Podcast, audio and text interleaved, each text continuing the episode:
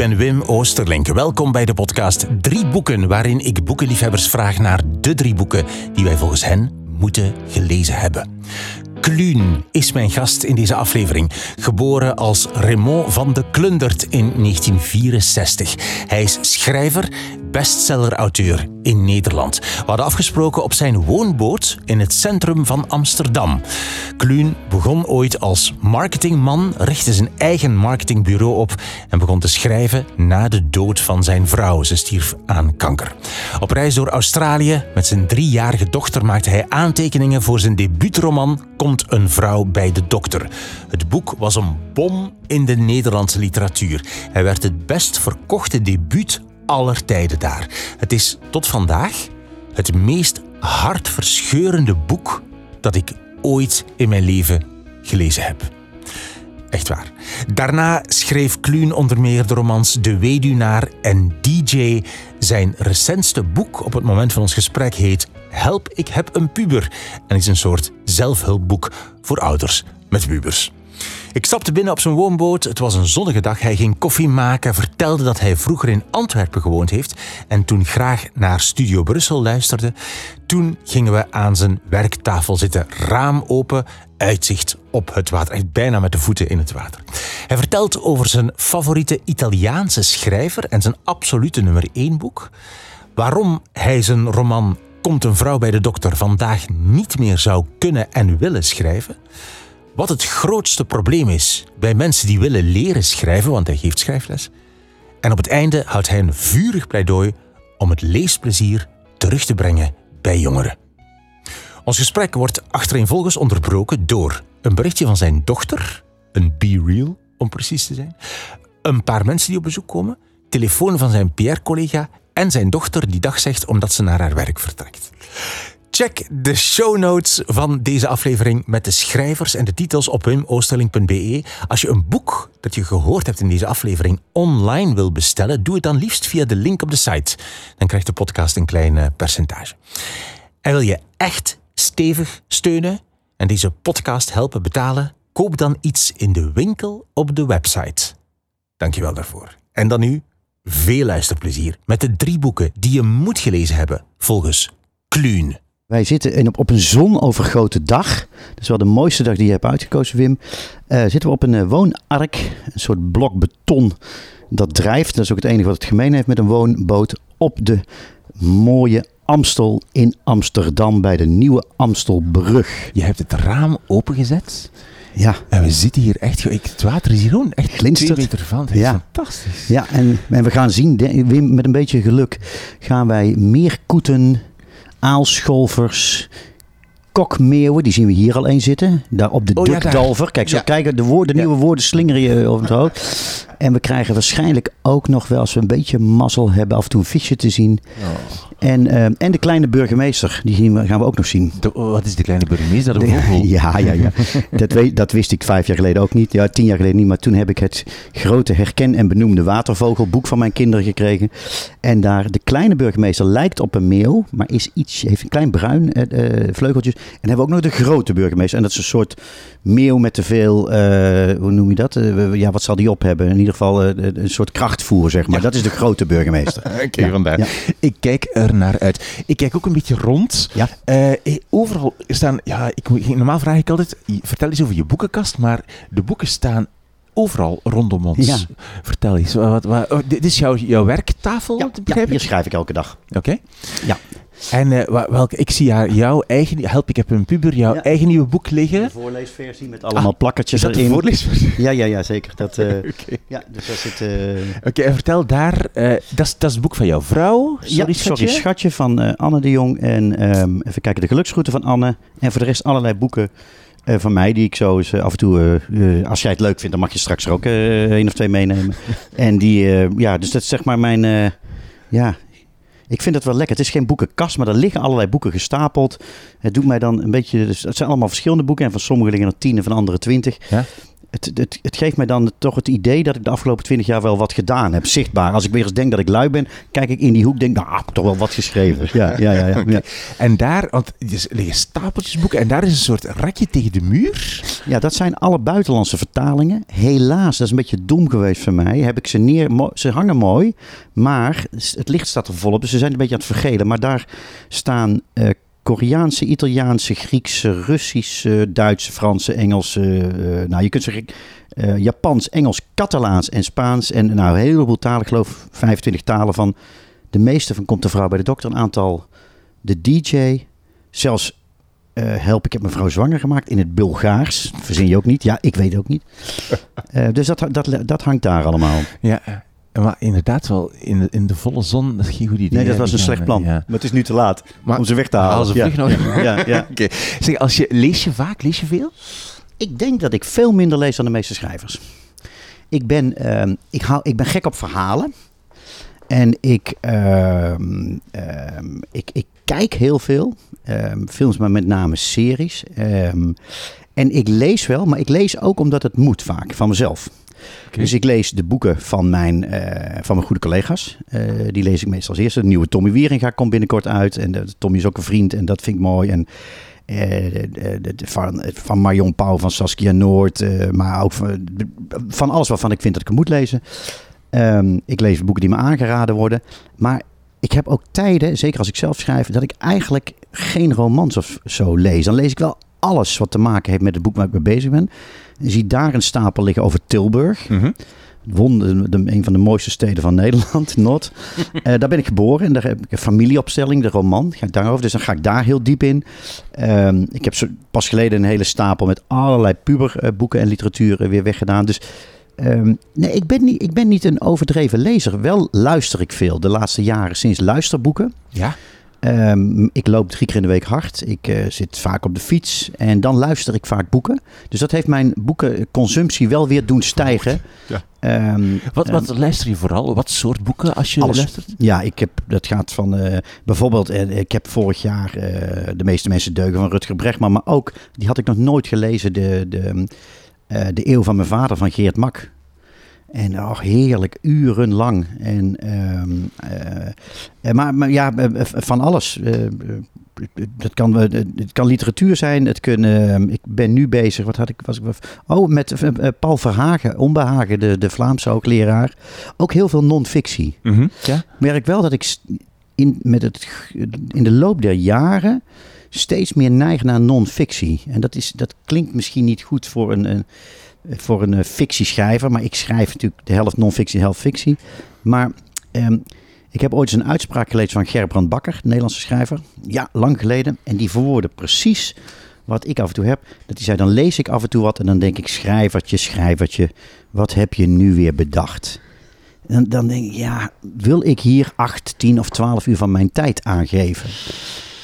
Maar dat komt ook, de kwaliteit van televisieseries Ja. is natuurlijk de laatste 10, 15 jaar geëxplodeerd. Er waren al heel veel goe- goede Nederlandse, Vlaamse series, maar de, alle Scandinavische series en alle.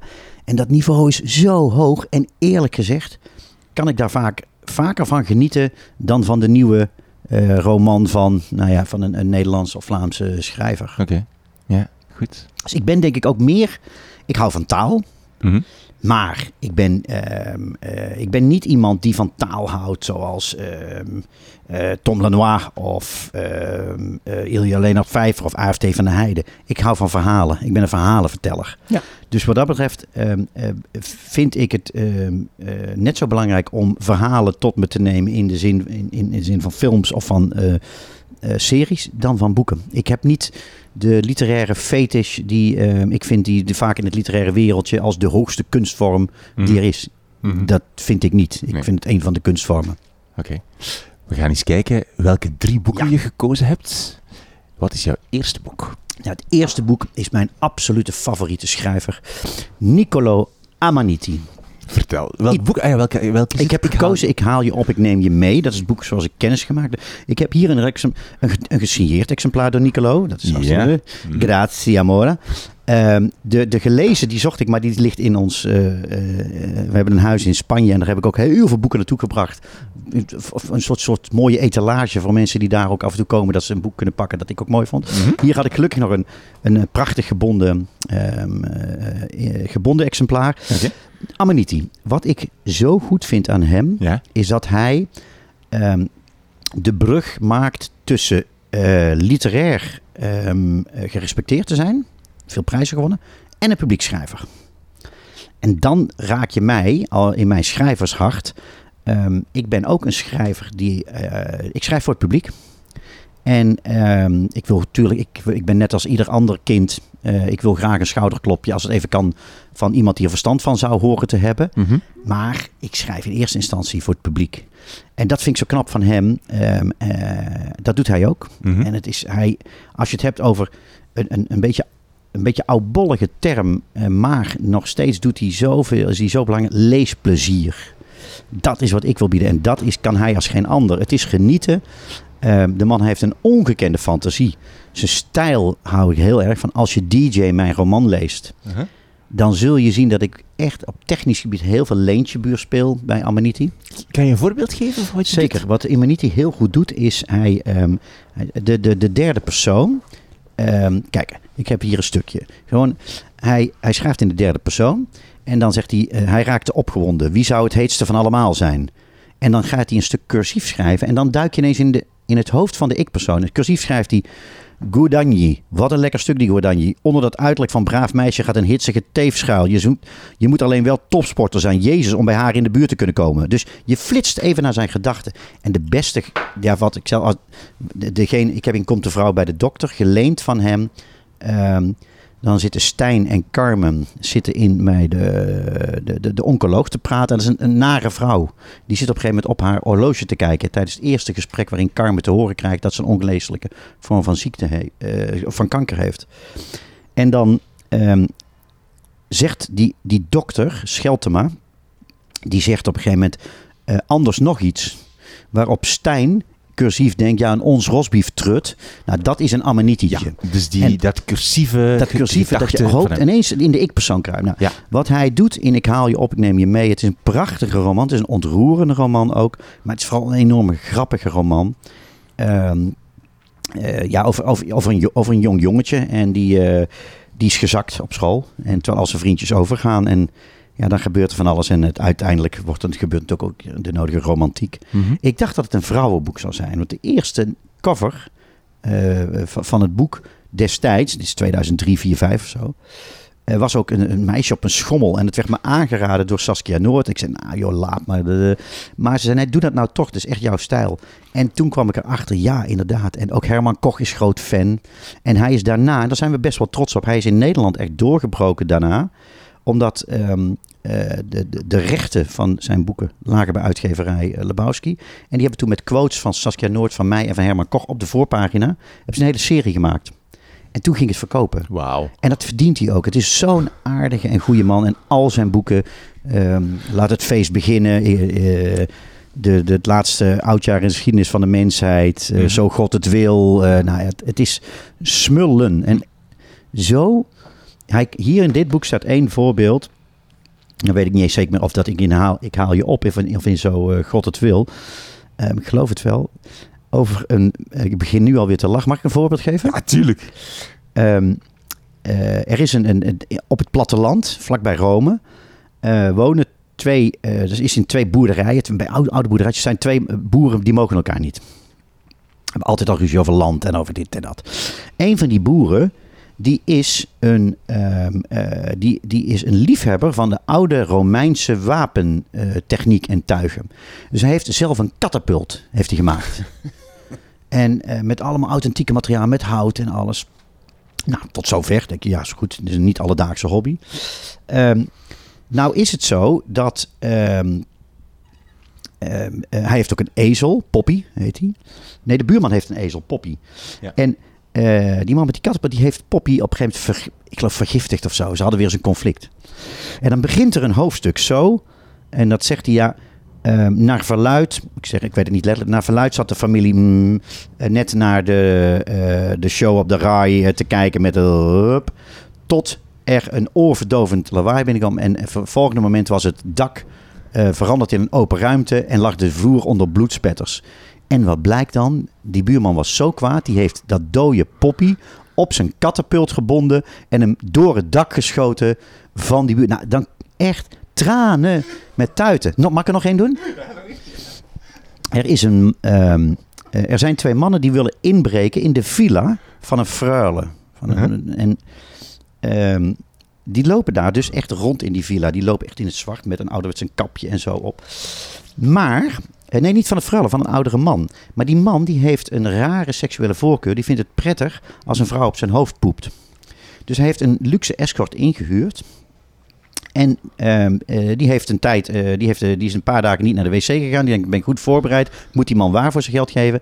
En op het moment dat zij op zijn hoofd zit, die man is geblinddoekt en net haar behoefte wil gaan doen ter plezier van die man, komen die twee inbrekers, die komen langs met een videorecorder of weet ik veel, een cd. Die komen langs en die lopen langs een ruimte, horen gekreun, kijken naar links en zien daar dus een naakte vrouw op het hoofd van een man zitten poepen. En die mannen schrikken zo dat ze al de spullen laten vallen en weggaan. Nou, als je dat kunt verzinnen, dan ben je een hele grote Wim. En dat vind ik, ehm, ja, het, het, is genieten. Maar zijn schrijfstijl, zijn ideeën, zijn fantasie. Het is, uh, ja, het is een feest voor lichaam en geest. Je hebt hem ook ontmoet. Uh, Er staat een handtekening op. Je hebt met hem samengewerkt eigenlijk. Wat heb je gedaan? Nee, dat is te groot. We hebben op een gegeven moment, toen hij zijn volgende boek schreef, wat dus weer, dit werd op een gegeven moment 100.000 stuks in Nederland verkocht. In de rebound, pas later eigenlijk. Toen kwam zijn nieuwe boek. Ik meen dat dat was Zo God het wil, of ik weet het niet meer. En uh, toen hebben wij met Night Rides uitgenodigd. En, um, um, en Herman Koch en Saskia Noord en ik. En waardoor er, toen kwam er, dan komt de pers daarop af. En toen werd hij langzaam ook weer... En dat was hier ergens in de Cinema Paradiso in Amsterdam. Night is uh, eigenlijk oh, dat jullie gingen optreden met uh, verschillende schrijvers samen. Een soort nachtclub-achtig ja. gevoel. En, um, dus toen, toen hebben we één keer zijn presentatie mogen doen. En ik heb hem daarna nog één keer ontmoet, maar daar is het ook bij gebleven. Dus ik ken hem niet goed, maar um, ik waardeer hem zeer en ik vind het prachtige schrijver. Ja, je bent uh, voor uh, Komt een vrouw bij de dokter, jouw debuut, was je eigenlijk uh, marketeer. Dat was jouw job, hè? Ja. heb je het gevoel dat je nog altijd elementen daarvan gebruikt in je werk? Je, um, elementen van je, ja, zeg je vakmanschap als marketeer? Ja, zeker. Ja? Ja, ik, wat ik... Um, Kijk, het leuke van marketing en communicatie is uh, dat het een heel creatief vak is. Als je tenminste uh, de. Als je, ja, het is een heel creatief vak. Kan, dat kan een creatief vak zijn. Het kan ook een afschuwelijk vak zijn. Maar ik, ik, ik, ik heb lang bij de, een heel goed reclamebureau in Nederland gewerkt. Ik heb een eigen bureau gehad. Tot mijn vrouw overleed. En toen ben ik, um, toen ben ik gaan schrijven. Uh, wat ik leuk vind, is dat um, um, de, de communicatie rondom een boek, maar eigenlijk rondom elk kunstwerk, een, een theaterstuk. Een, ik vind, um, waar veel mensen vinden, nou dat hoort niet, je hoort daar niet zo commercieel mee om te gaan. Ik vind juist wel, als je uh, de hele avond en dag uh, langs de snelweg op tv, op de radio wordt lastiggevallen met reclames van, van koffie, van, van cola, van verzekeringen, van maandverband, van iPhones, vind ik het juist nobel dat we veel reclame maken voor alles wat met kunst te maken heeft. Dus wat ik leuk vind, mijn creativiteit zit er ook in. Niet alleen schrijven, maar alles daaromheen. Dus ik heb een, uh, een Instagram-account rond uh, Help, ik heb een puber. En daar kan ik mijn leukste ideeën in kwijt. Um, en dat geldt, eigenlijk, uh, dat geldt eigenlijk met alles. Als ik een boek aan het schrijven ben, dan blokkeer ik, dan blok ik mijn hersens voor invloeden van de marketing. Okay. Elk ideetje dat ik heb, schrijf ik op en probeer ik weg te laten. Okay. Want anders dan verlies ik me daarin. Ja. Maar daarna, ja, dan gaat mijn hoofd als een razende. Ga ik alles bedenken met een team eromheen. Hoe zouden we dit boek zo leuk en grappig mogelijk aan de man kunnen brengen? Wetende dat publiciteit krijg ik altijd wel, zoals ook nou ja, Brusselmans en Lanois en zo. Die, op het moment dat die een nieuw boek hebben, zitten ze bij elke talkshow. Nou, dat is hier in Nederland bij mij ook. Maar gegeven het feit dat ik toch wel publiciteit... Wat kun je allemaal voor leuke dingen bedenken... Waardoor, waardoor mensen moeten lachen, sympathie krijgen, het lollig vinden. Ja. En ja, ik vind dat daar zit een gedeelte van mijn creativiteit. Ja. Um, en waar ik best wel trots op ben.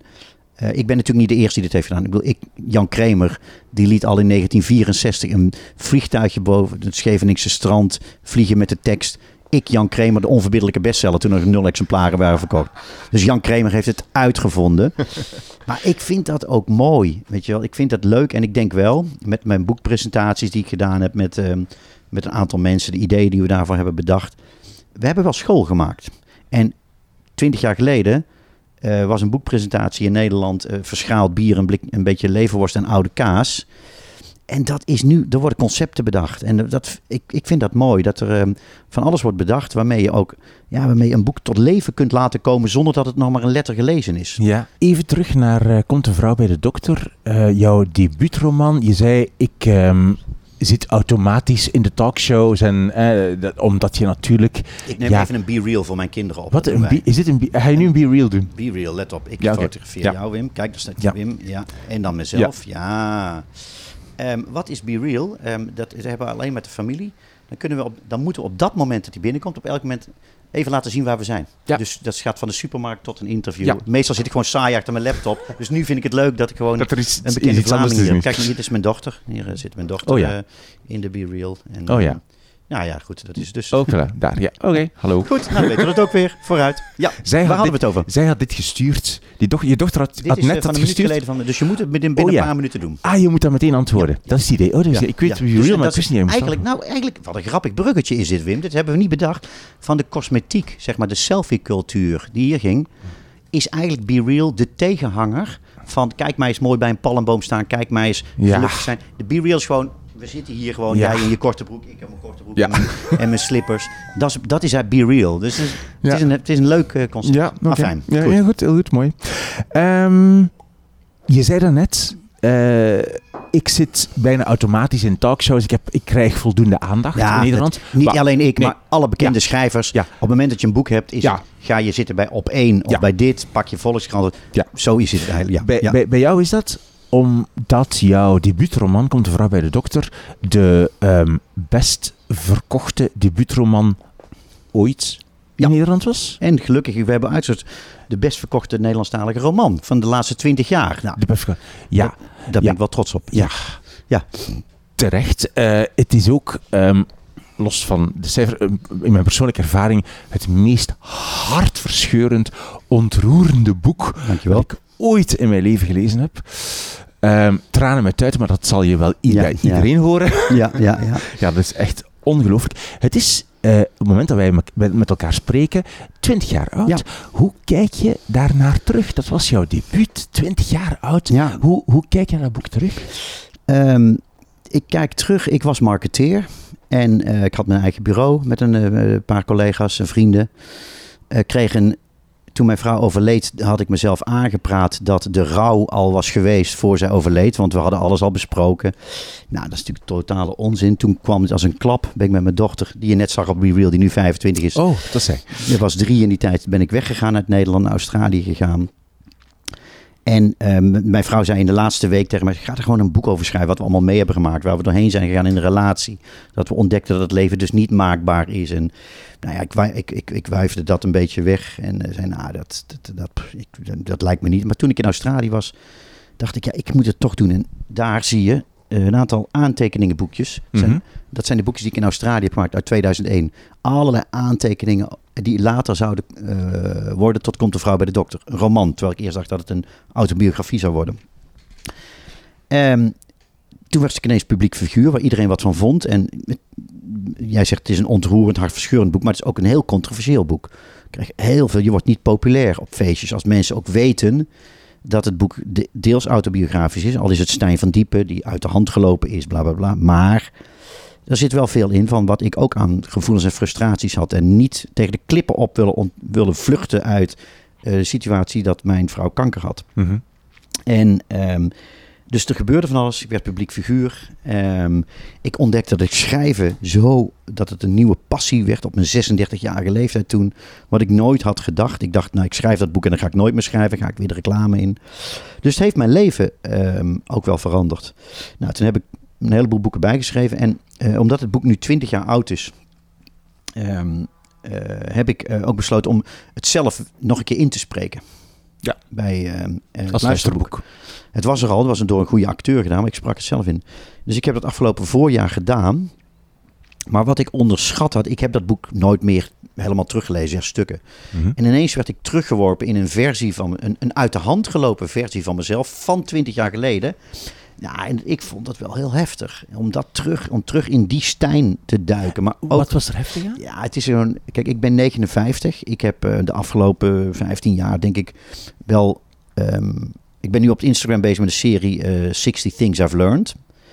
Ik heb gelukkig wel wat bijgeleerd. En over mezelf en wat ik wil en niet wil. Wat voor man ik wil zijn. En dat was toen, ehm, nou niet eens, als we zeggen, niet uitgekristalliseerd in de tijd. Nee, het was onontgonnen terrein. Dus teruggeworpen worden als je voorleest naar een ik-persoon die, die zo ver achter je ligt. Dat vond ik wel pittig. Maar ook de hele wereld weer van de, de ziekenhuizen, de kanker. Alles kwam weer terug. Want Carmen in het boek is echt één op één mijn vrouw Judith. Met haar humor en positivisme. En. Dus ehm, ik weet nog dat ik het, de eerste honderd bladzijden ging voorlezen op vrijdagmiddag. En daarna had ik een, een vrijdagmiddagborrel met mijn vrienden en vriendinnen en mijn vrouw gepland. Ah, echt, ik had het boek gelezen en ik, ik schrok weer. Ik was het aan het inspreken. Ik zat weer helemaal terug in die wereld. Dus ehm, het boek was voor mij ook. Ik heb het uit mijn hart geschreven. Ik heb het in negen maanden, tien maanden geschreven. Het is rauw, het is eerlijk, al is het een roman. Daarom doet het ook. Het maakt mensen boos, woedend. eh, eh, zoals jij zegt, het ontroert, het is hartverscheurend. Het laat niemand koud. Ehm, maar als ik het zo teruglas weer. Poh, het is zo ver van, zo ver geleden. Het is iemand anders. Het is niemand anders. En Ja. ik heb een paar jaar geleden familieopstelling geschreven over Stijn, die twintig jaar later. En eh, daar zitten heel veel dingen in, ook die ik zelf. Ik heb hard aan mezelf gewerkt en leren Mhm. kennen wie ik was en wat mijn gebreken waren. En de dingen die ik wilde veranderen, die ik niet zou kunnen veranderen, et cetera. Dus ehm, het is voor mij ook een, een levensveranderend boek geweest. Ja. Ja. We komen van jouw eerste boek. Ja. Niccolo Amaniti. Ik haal je op, ik Neem neem je mee. Ja. Wat is jouw tweede boek? Het tweede boek is non-fictie. En het tweede boek is misschien wel, wat ik vind, het beste boek dat ooit geschreven is over de opbouw van verhalen. Hoe bouw je een verhaal op? Er zijn veel goede boeken geschreven over eh, schrijven. Stephen King on writing en Lamotte. eh, nou, heel veel. Ehm, ik moet even de deur Moet je open doen. doen? Ja, Ja.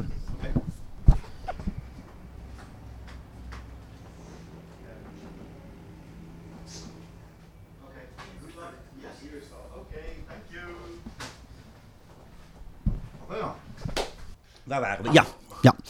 Het tweede boek, Wim, is ehm, eh, misschien, vind ik wel, een van de beste boeken die ooit over de techniek van een en de opbouw van een verhaal vertellen gaat. Ja.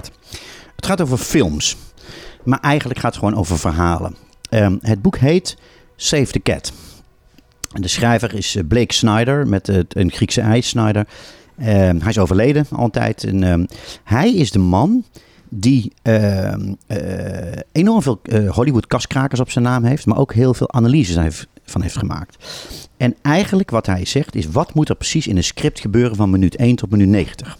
Dat is vrij rigide wat hij doet. Ja. Ehm, het is een formule. Maar het leuke is, als je die formule leert, het is eigenlijk denk ik hetzelfde als jij gaat skiën.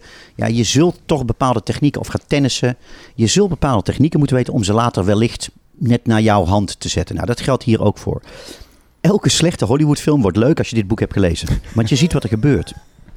En ehm, het- waarom heet het Save the Cat? Het staat onder de, de last book on screenwriting that you'll ever need. Ja. En er staat een kat op en die, die houdt zich vast aan een touw. Een save the catcher is een techniek die vaak in films wordt gebruikt, maar ook in boeken. Ehm, eh, wij, onze hersens zitten zo in elkaar. Wij, wij mensen zijn de enige verhalenvertellers. Hè? Wij Ja. leven van verhalen. Ja. Wij leven, eh, al onze eh, dingen die wij tot onze identiteit beschouwen, is een verhaal. Jij bent Vlaming, jij bent DJ, ik ben Amsterdammer, maar ik ben eigenlijk Brabander. Ik ben hetero, ik ben wit, ik ben vader, ik ben schrijver, noem maar op. Ehm, en onze hersens zitten zo in elkaar dat wij, ehm, eh, wij zijn voorgeprogrammeerd om snel iets te vinden. Nou, wat is nou een the catch? Op het moment dat je een hoofdpersoon hebt dat een hele nare man of vrouw is. Dat kan een kampbeul zijn, dat kan een eh maffiabaas zijn. Op het moment dat je hem een huisdier, een kind of een oud persoon laat redden, dan zijn onze hersens die reageren van het is toch in zijn hart een goede man of vrouw. Zo simpel zitten we in elkaar. Ehm, ik geef een voorbeeld. Ehm, dus eh, wat ik in DJ doe, daar laat ik ehm, die DJ toch, die een vervelende nare man is, en zeker als hij aan de kook heeft gezeten, die heeft een vader waar hij heel lief voor is. En elke lezer die denkt, en toch is het wel een goede man. Ja.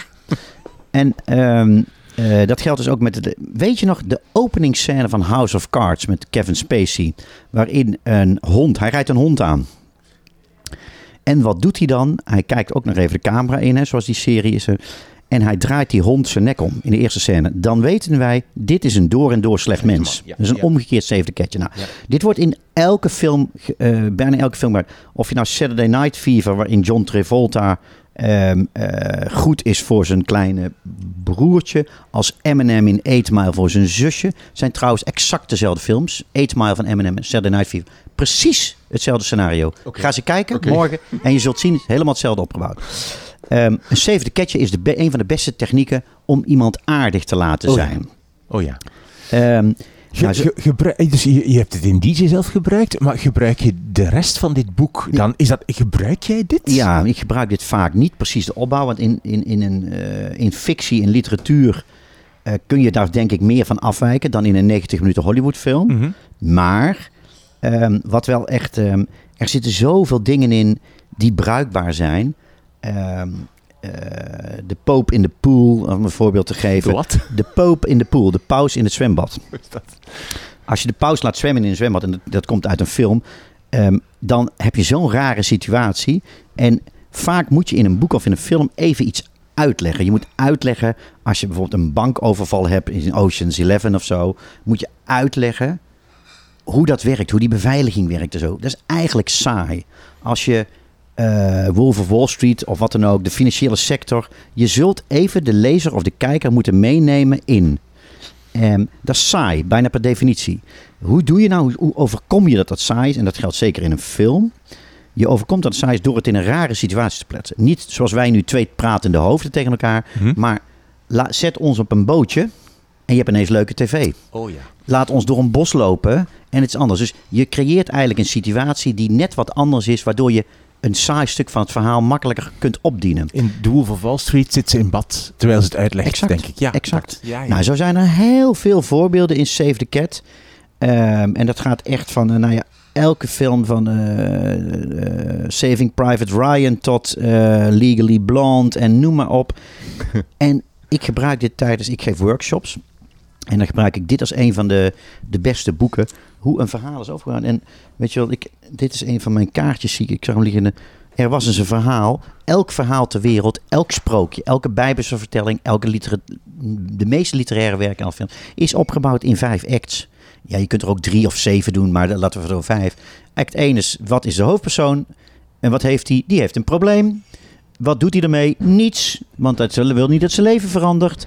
Eh, dan eh, de, de tweede act. Het probleem wordt groter en nog groter. En in de derde act, dan moet hij er iets mee gaan doen. Of zij. Ja. En dat gaat mis. Dat lukt niet. En dan krijgen we, ehm, in eh, de, dan krijgen we hier de, de, zeg maar het eind van act 3. De, de, de wilde achtervolgingen, de geile seks, de, de, de, de horror. Alles waarom we naar de bioscoop gaan of waarom we een boek willen. En uiteindelijk lijkt, bezwijkt die hoofdpersoon bijna in act 4 en in act 5 ziet hij het licht. En dan heeft hij iets geleerd. Dat is wat wij willen van een verhaal. Ja. En nogmaals, elke religieuze vertelling, elk sprookje, elk verhaal met een moraal is volgens deze acts opgebouwd. Ja. En dat is helemaal wat Blake Snyder, er komt een helikopter over, maar je hoort ons nog luisteren, Ja. denk ik. dat is wat Blake Snyder eh, goed doet. Dus ehm, nogmaals, het is rigide wat hij doet. Ja. En je moet het ook los kunnen laten. Ja. Maar de, het leuke is, toen ik Komt de Vrouw bij de Dokter schreef, ik had nog nooit een boek geschreven. Ik, wat, ik had heel veel marketingrapporten rapporten en strategieën geschreven.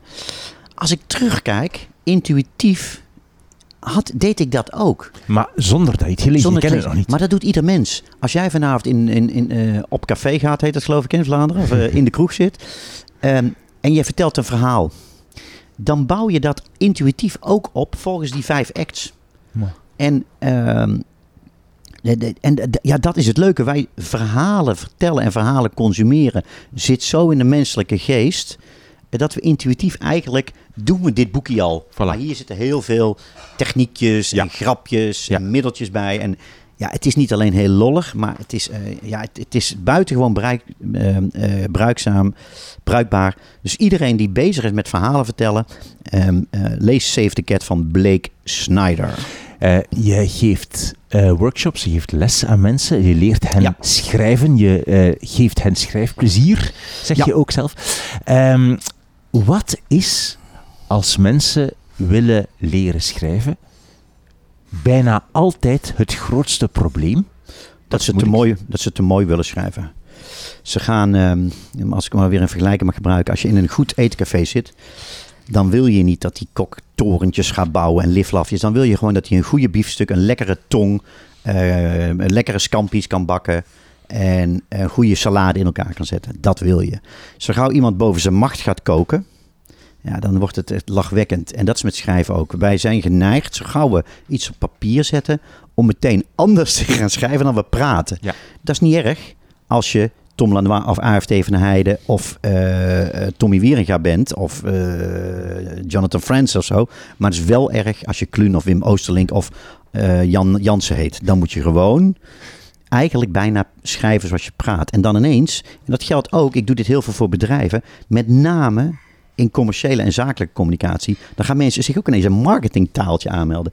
Nee, schrijf gewoon eh, waar je enthousiast over bent, zoals wij nu. Ik zit enthousiast over mijn werk te praten.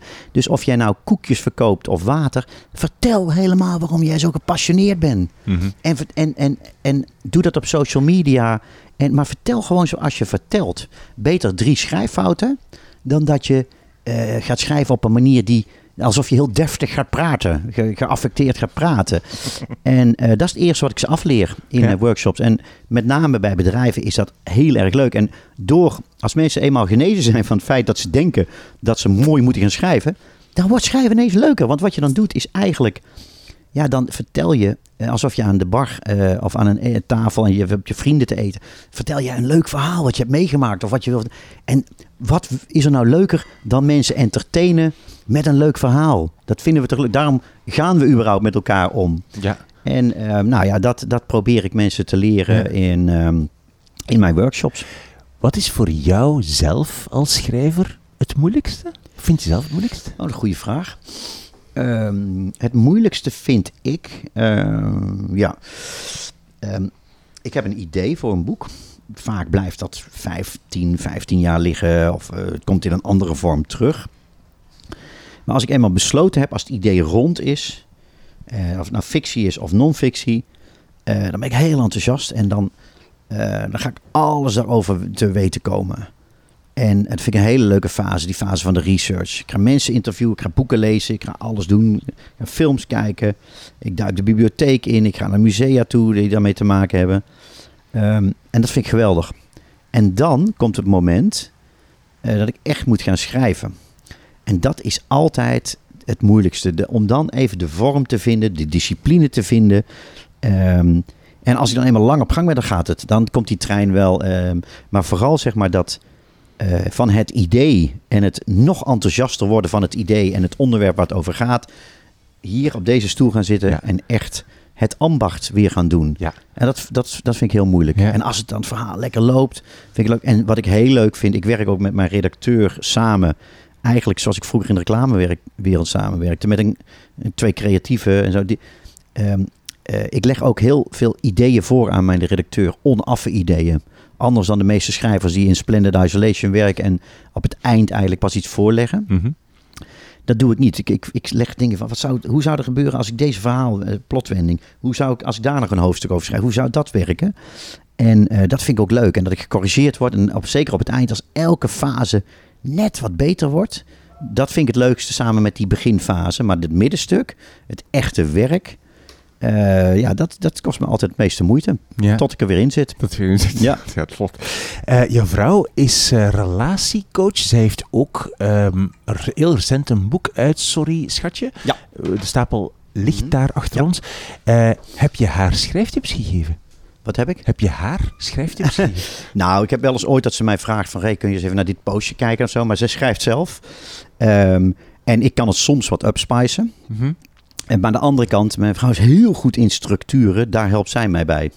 Dus een structuur van een, eh, een structuur van een boek. Eigenlijk een beetje dat Blake Snyder-achtige ding.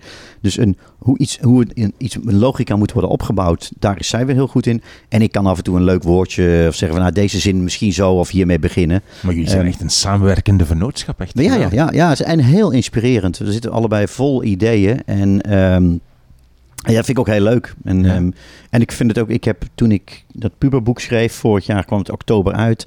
Toen zat ik ook eh, in de theaters. eh, met, een, eh, met Leon Verdonschot en een band over eh, de vriendschap rond Bruce Springsteen. Ehm, dus ik stond letterlijk een half jaar lang op het podium, maar ook figuurlijk met aandacht voor dat boek en zo.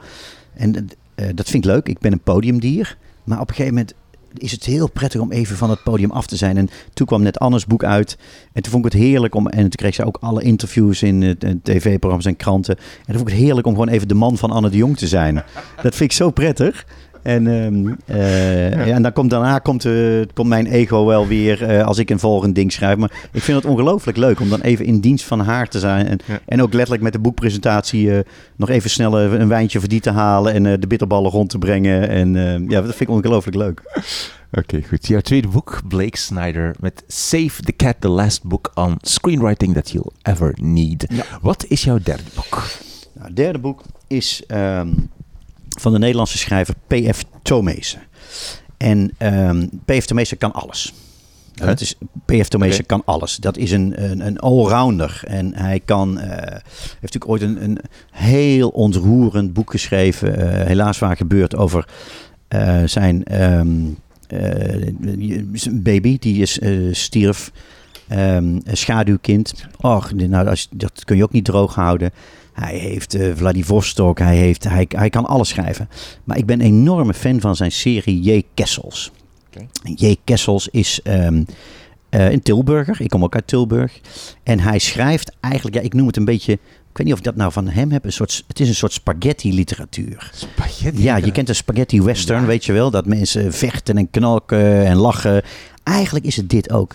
Je, als je hebt over, we hadden het straks over leesplezier, wat ik mensen wil bieden. Als je het hebt over schrijfplezier, nou dat spat hier van de bladzijde af. Ehm, je ziet gewoon eigenlijk uh, die begint te schrijven. En ehm, het is net of hij zichzelf speelkwartier heeft gegeven. Tussen alle eh, prachtige literatuur in die hij schrijft, denk ik. En nou ga ik lol hebben. Ja. En ja, het, het, het is een ehm, schrijver, P.F. de Meester, de ik-persoon, heeft... die, die ziet ineens zijn, zijn uitgever belt hem en die zegt dat er een boek binnen is gekomen. Je bent nu het verhaal aan het vertellen. Klopt. Ik ben er bezig met het verhaal, ja. ja, oké, ja, ja. Ehm, de uitgever belde. Ze hadden een typo script binnengekregen dat ik J. Kessels heette. Het kwam me bekend voor, de naam tenminste. Maar ze bedoelden dat het van mij was. Van mij? Ik was wel de laatste. Had ik mijn reisgenoot, dat is J. Kessels, niet op het hoofd van zijn moedertje, of het mijne, daar wil ik vanaf zijn, gezworen geen letter meer over hem te publiceren. Dus een fictief persoon, die dan ook wel bestaand heeft, J. Kessels is een vriend van hem, die schrijft dan ineens een boek waarin P.F. Tomezen voorkomt. Dus hij is gevangen door zijn eigen hoofdpersoon. Ja, en dan gaat het, je weet dat Tilburg de lelijkste stad is, heb ik nooit genoemd, sorry Tilburg.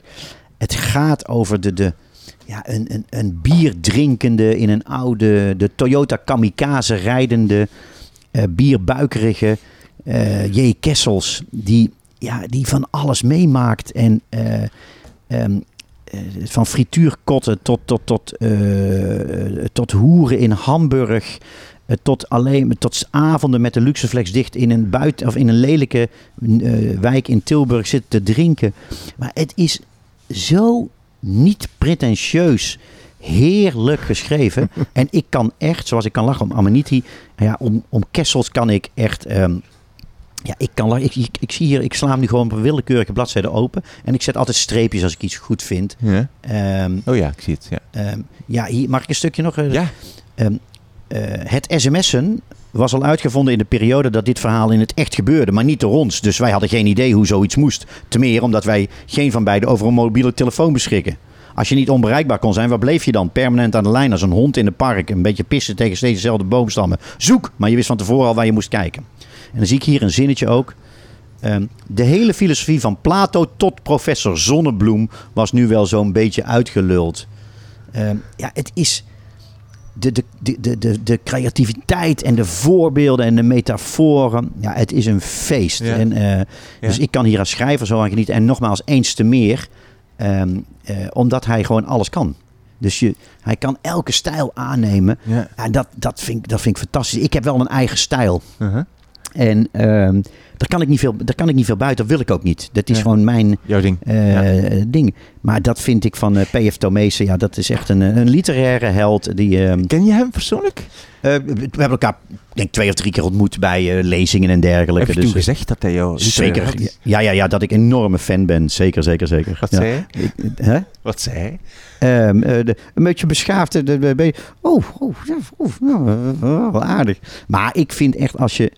Het is, vind ik, onmogelijk om. Kijk, je kan geen fan zijn van eh Ilja Pfeiffer of van Kluun of van eh, Herman Brusselmans. Huh? Maar als je Tomezen geen goede schrijver vindt, ja, dan is er iets mis met je geestelijke eh, gesteldheid. Dat is onmogelijk. En ik, ik denk niet dat iedereen die J. Kessels serie van hem goede boeken vindt. Maar het moet je liggen. Maar ehm, ja, ik, ik, ik, ik, ik heb zo genoten daarvan. En ehm, heel soms lees ik gewoon een paar bladzijden. Als ik even in een bepaalde, in een bepaalde komt, sfeer wil, eh, wil, wil komen of raken. komt er een Be Real binnen van nee, nee, nee. Dit was eh, mijn eh, PR Rutbergmans belde. Mijn PR. van- Hey, em, je recensent zei ooit- dat DJ literair verwant is aan Ja, dat is waar. Ja, nou dat, Dat is een ehm, compliment, hè? Dat is zeker een compliment. Ehm, terwijl het eigenlijk, ik denk technisch meer eh, is. En eigenlijk, ehm, DJ is eigenlijk mijn favoriete film aller tijden, Amadeus. Dat is DJ. Namelijk een man, Kluun, die wil eh, meeliften op het succes. En is jaloers op het succes van, dus eigenlijk Salieri uit Amadeus, is jaloers op het succes van zijn oude studievriend die nu ehm furoren maakt in Las Vegas. De nummer twee DJ van de wereld is de 10 million dollar man wordt genoemd. Ehm, en uiteindelijk een, een smerig plan heeft om ehm, zijn vriend te naaien. En eh, zoals Haantjes, mijn boek eigenlijk Kaas van Elschot is. Eh, ja, dus, dus, maar ik denk dat er hier dingen in zitten. eh, die mij, ja, die, die- zeker zijn manier van schrijven. Ik heb het, het vet aanzetten en het dingen ver- totaal verzinnen. Eh, Ja. dat, dat heb ik hier ook in, in DJ heel erg gedaan, ja. Eh, is dit de er liggen twee exemplaren. Is dit de Engelse versie, dit? Nee, niet? het heet, dat is Oh. ook al zo iets raar. Huh? DJ, de, de novel. Nee, het is gewoon een Nederlandse. Dit is gewoon een. Dit is een verschil. Dit is een. eh, Het zijn twee andere dit is een boeken. eerste, dit is een tweede. Oh, en dan heb je ook nog het Babi-schandaal van eh, je Kessels. hebt drie- je hebt, de reeks bestaat uit drie delen, zo. Volgens mij drie, ja. Ja, Ik geloof het wel. Oké, goed. Je, P.F. Tomezen, ik, J. Kessels en J. Kessels, de novel. Ja, de novel, daar zou ik zeker mee beginnen als ik eh, de lezer was. Dan kiezen we de novel. Hij is ook verfilmd trouwens met uh, Vetje van Nuet. Maar ja, lees het vooral, lees het. Ja. Zeg, ehm, jouw eigen recentste boek is eh, Help, ik heb een puber. Ja. Daarvoor heb je ehm, je een ja, eigen uitgeverij opgericht, denk ik. Dat was toch niet zo daarvoor? Enfin, je doet heel veel zo zelf in eigen beheer. Hè? Ik vind dat heel fascinerend en heel Ja. bewonderenswaardig. Geweldig. Eh, hoe loopt dat? Nou, het lijkt, dat lijkt ehm, bewonderenswaardiger dan het is. Ehm, kijk, ik, heb, ik, ik, heb, ik schrijf 20 jaar. En ik heb eh, met Joost Nijssen, mijn oude uitgever, heb ik 15 jaar samengewerkt. Daarna bij Lebowski. Maar daar gingen helaas twee mensen, twee van de beste mensen, op een bepaald moment weg. En weet je, uitgeverijen zijn net als reclamebureaus. Ehm, het gaat niet om de naam, het gaat om de mensen die er zitten. Dus als mensen weggaan, ja, dan is, is het ook weg. Eh, het is niet dat dan, dan nog steeds dezelfde eh, koekjes of lekkere eh, chips worden gemaakt. Nee, dan is, het, dan is het weg. Zelfs een radiostation, als de beste DJ's weggaan, is het weg. Ehm, dus in die tijd dacht ik, ik, ik heb zoveel geleerd in die 20 jaar. Ik weet wel een beetje wat uitgeven is. En bovendien een aantal hele goede senior mensen. Ehm, mijn oude redacteur, Harminke Mededorp. PR-adviseur, eh, Rut Bergmans. En eh, degene die alle eh, sales en productie doet, Maarten Richel. Maarten Richel. Die zijn een... die zijn zelf een, een, niet een uitgeverij, maar een soort servicebureau begonnen. En die hebben het model omgedraaid. Dus ehm, de schrijver, als hij dat wil, ehm, eh, investeert, doet alles, loopt het risico en betaalt hen een percentage. Terwijl normaal gesproken geeft de uitgever investeert, et cetera. Ja, en ik vind dat wel leuk. Ik ben eh, marketeer en ondernemer van, ehm, eh, van nature. Dus ik heb het boek zelf uitgegeven, maar ondertussen heb ik een team van de beste mensen om me heen. En ja, ik mag zeggen wat we doen, maar in 90% van de gevallen luister ik naar hun adviezen. En Ja. soms ga ik er tegenin. Nou, Ja. dat kan ook. Ehm, maar, eh, dus het, het blijft teamwork, alleen de rollen zijn omgedraaid. Ehm, en ehm, ja, elke, nu net pas geleden de zevende druk van ehm, Help ik hem een puber. En dat betekent, daar komt er een rekening van de drukker eh, van eh, enkele tienduizenden euro's. Die moet je dus wel durven betalen. En je moet een beetje durven. Maar ik, ja, ik vind, ik vind dat leuk. Maar zeven drukken, het loopt, het loopt Ja, het loopt de trein. Dus, maar dat betekent dat je dat nog gaat doen, dat je dat gaat blijven doen? Dit systeem? Ik sluit niet uit dat ik met een bepaald boek, misschien als ik denk dat, dit, dat het beter bij een uitgever zou zijn, dat ik dat doe. Maar ehm, ik, ja, dit bevalt me ook heel goed. Waarom zou een boek beter bij een uitgever zijn? Ehm, nou, dat, ja, dat kan verschillende redenen hebben. De, ehm, als het bijvoorbeeld. Kijk, ik kan me voorstellen als jij een. Ja, nee, nee ik denk de, de kans is niet heel groot dat ik weer bij een uitgever ga. Zolang er zulke goede mensen zijn die hun sporen in het vak hebben verdiend, die je kunt eh, inhuren, ehm, dan, eh, ja, dan, vind ik dat, dan vind ik het eigenlijk leuker. En ehm, ik vind het wel leuk om zelf eh, dat te ondernemen. En, ik, ik, en toch, weet je, we hebben een appgroepje met Harmienke, Rut en Maarten, mijn team. Ehm, ja, en het, is hetzelfde gevoel dan dat je bij een uitgeverij zit, waar je ook een club mensen om je heen hebt die allemaal hetzelfde willen. En ik heb zeker niets tegen uitgeverijen. En ik adviseer ook iedere jonge schrijver, ook in mijn workshops, doe het niet zelf, want dat kan je nog niet. Je, je ziet het al aan. Ehm, je ziet het aan hoe het boek eruit ziet. Je ziet het aan hoe het gedrukt is. Je krijgt het niet in de winkels. En wat je helemaal ziet is als je geen goede redacteur hebt, doe het met een uitgever. Maar als je lang in het vak zit en je vindt het leuk, ja, dan, ehm, ehm, dan, dan is het wel aantrekkelijk ook. Ehm, ook financieel is het aantrekkelijk. Eh, maar ja, je kan ook zoals op zo'n Hollands de bietenbrug opgaan. Want het kan ook een flop worden. Ja, eh, dat, dat, moet je durven. Ja, op. ja ik, ik weet, hij komt ergens van. Ik heb het geweten, maar nu niet meer. Heb je hier iets aan? Nee, hè? Nee.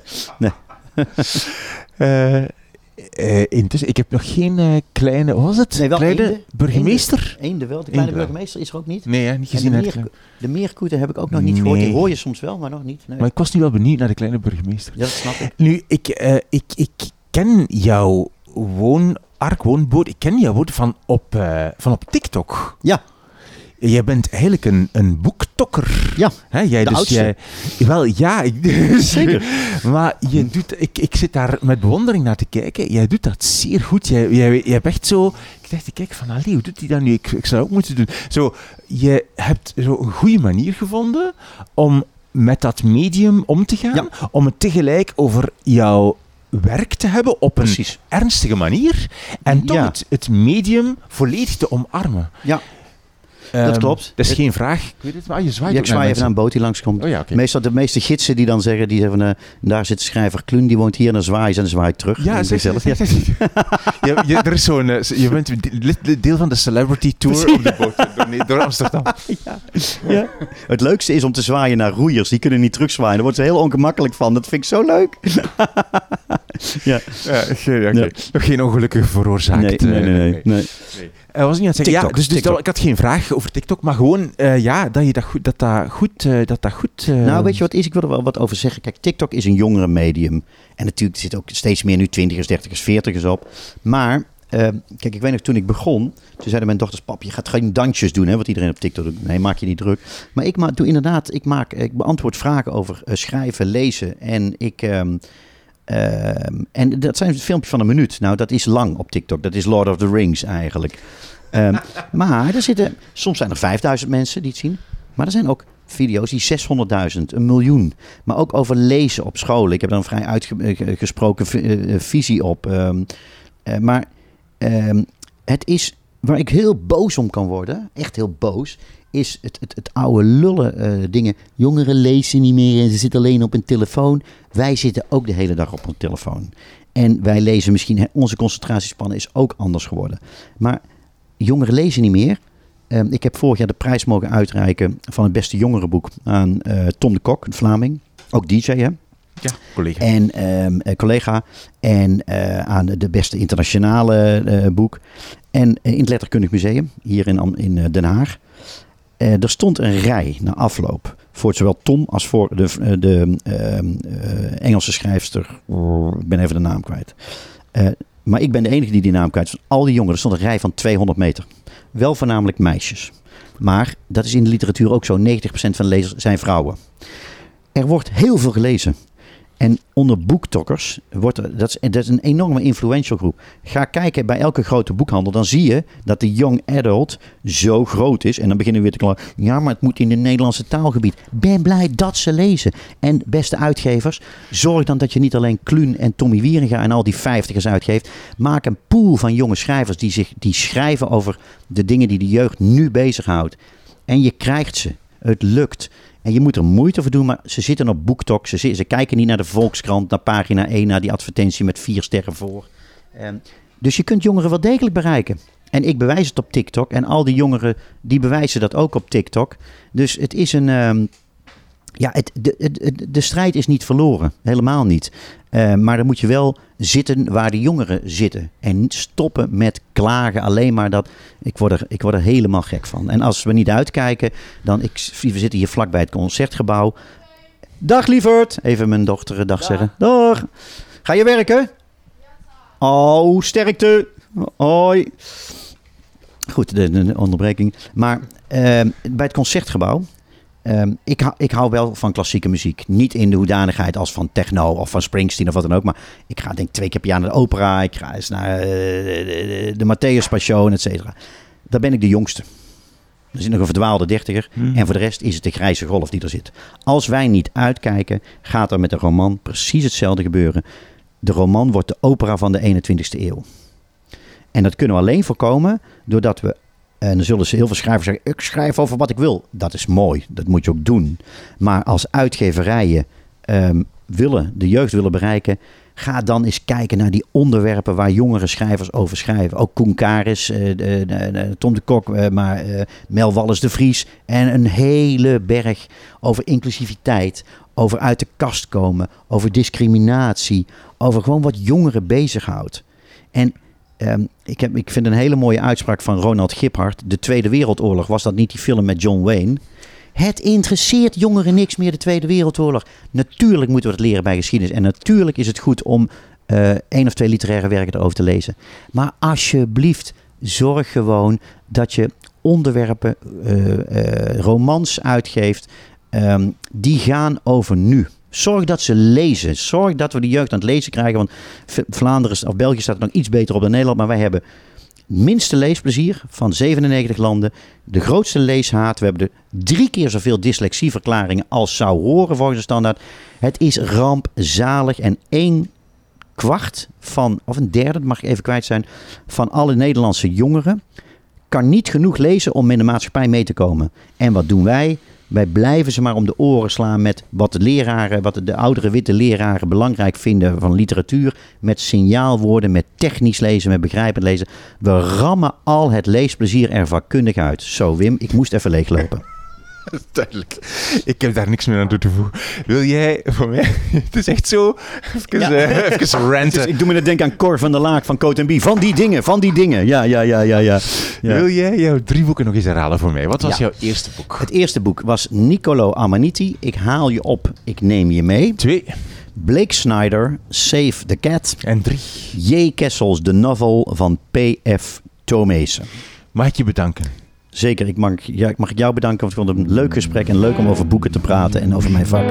Heel veel succes, dankjewel. Dankjewel. Dit was mijn gesprek met Kluun van op zijn woonbootcentrum Amsterdam. Hij pakte nog een exemplaar van zijn roman De Weduwnaar voor mij en signeerde het. Nam het boek van zijn vrouw en signeerde het ook. Zijn vrouw was er niet. We namen nog wat foto's voor bij de show notes en voor op de Instagram van Drie Boeken. En we namen afscheid. WimOosterling.be, daar moet je zijn voor foto's en links naar de boeken die Kluun besproken heeft. Ik heb nog één vraag.